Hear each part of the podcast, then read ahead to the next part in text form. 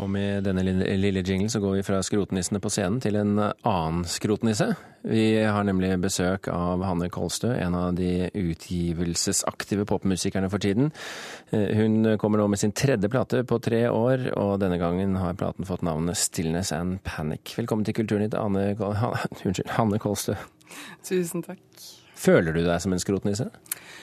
Eh, ja, jeg eh, er jo litt sånn som spiller på det jeg finner. Så det er litt sånn eh, Jeg har hatt en sånn elsk på sånne gamle Casio-synter. Så det er jo en del sånn der opp på loftet og inn i Leita litt i sånn gammel leikekasse til venner og tante og litt sånn forskjellig. Ja. Og nå i det siste også noen blåseinstrumenter og ja, jeg hadde ikke et skrot fra eh, be bedehuset i Sykkylven. Jeg syns egentlig utgangspunktet ja, Der som jeg spilte inn plata mi på bedehuset i Sykkylven, så, um, så i utgangspunktet så tenkte jeg at det var jo fint at det var et flygel der. Det var liksom, Og så var det et orgel der, og så funka det. Og så gikk jeg inn på et rom ved siden av, og der var det stor jammen med noe korpsinstrument og sånn, så det ble litt sånn hyling. Og Spesielt da produsenten kom opp også, og han bare liksom testa lyden i rommet. Og, så det var fint. Hvorfor endte du opp i Sykkylven, eh, tilbake til der du kommer fra, for å spille inn plate?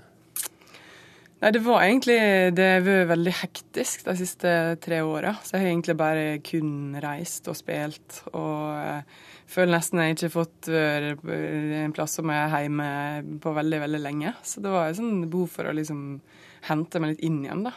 Og så er det liksom noe med det der å, å flytte hjem når du er liksom voksen. For det, det er noe fint med å liksom henge med foreldrene mine når, de, når jeg sjøl er voksen også, istedenfor når du er liksom 19 år og bare Vil ut. vil ut. vil stikke av. so long. Men samtidig så er dette her eh, albumet heter jo 'Stillness and Panic'.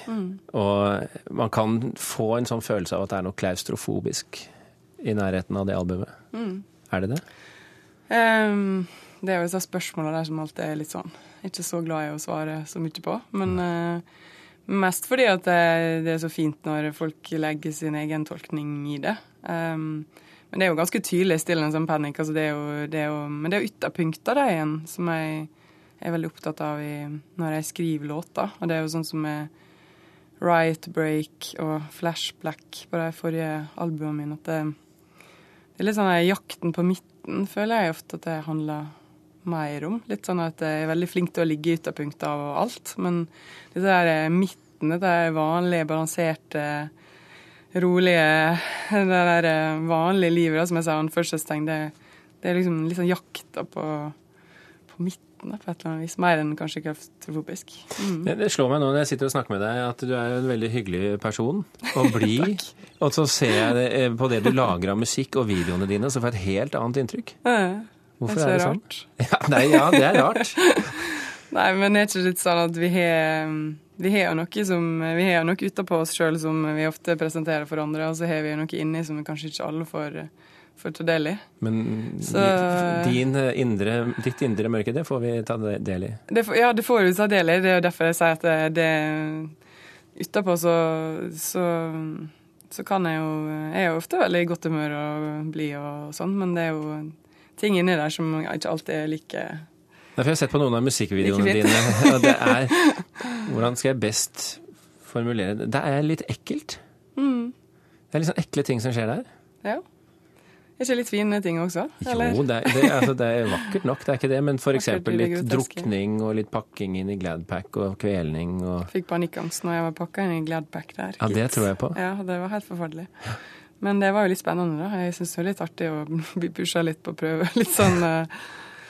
Men eh, det er jo egentlig hovedsakelig regissøren Vibeke Heide som, som kom med, kommet med ideene. Men det er jo litt med det at når du finner noen som er litt, sånn, litt i samme landskap som deg sjøl, så fant jo vi to hverandre veldig fort i hva vi har lyst til å gjøre av uttrykk og sånn. Så jeg synes, altså Det jeg streber etter hele tida, er liksom det er litt den balansen også. Sant? At det skal på en måte være fint at det er litt sånn At folk kanskje blir litt sånn får litt å tenke på, men også at det kan være noe vakkert i, vakkert i det, noe groteskt også, på en måte. Eller noe som er ekstremt, eller Men er det deler av musikken din du ønsker å forstørre ved bruk av disse videoene?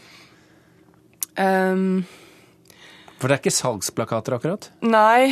Uh, det er jo mer sånn utforsking, tenker jeg mer på at det er. At det er mer en slags eh, utforsking av uttrykk, og så er det på en måte en verden som kler musikken min. For jeg føler også at det, musikken min er litt sånn lys og mørk og litt sånn himmel og helvete. Ikke nødvendigvis bare, bare eksempel mørk. Den er litt lys også. Og det er litt sånn som jeg syns det blir i musikkvideoen også, at det er litt av ja, det er litt av ytterpunkter igjen, da, på en måte. At det er litt at folk blir litt sånn utfordra, og at det gir musikken noe mer. Da. At det ikke bare nødvendigvis jeg står der med liksom lipgloss og, og har liksom den kuleste sveisen uh, på Youngstorget, liksom. Nei, og Et eksempel på det har vi jo denne, denne litt søte sangen som heter La La La Love Song. Mm. Men videoen, der er det en slåsskamp. Mm. Men den, eh, den, låta er jo egentlig litt spesiell, fordi når jeg skrev den teksten, så var det egentlig sånn der åh, jeg er så lei av å skrive tekster som skal bety så masse, og hvorfor kan alle andre slippe unna med å si liksom eh, I can never let you go, liksom sånn helt sånn banale linjer, da. Mm. Tekstlinjer. Så det var egentlig sånn jeg ga meg sjøl lov til å bare være litt skamløs, da. Og det er overraskende få som er tatt med på det i etterkant. Men eh, ja, i forhold til videoen også, så er jo det dette med, det er jo et slags kjærlighetsforhold i den videoen, også selv om det er slåssing. Så det er jo på en måte Litt sånn søskenforhold? Ja, det er kontraster, liksom. Det er jo dette er motsetning av kontraster. Prøve å få liksom eh, Få folk til å liksom tenke og føle litt og gå litt inn i, inn i materien, da, på en måte. Men hva er det du vil med musikken din, da? Bortsett fra at det er gøy å lage musikk. ja.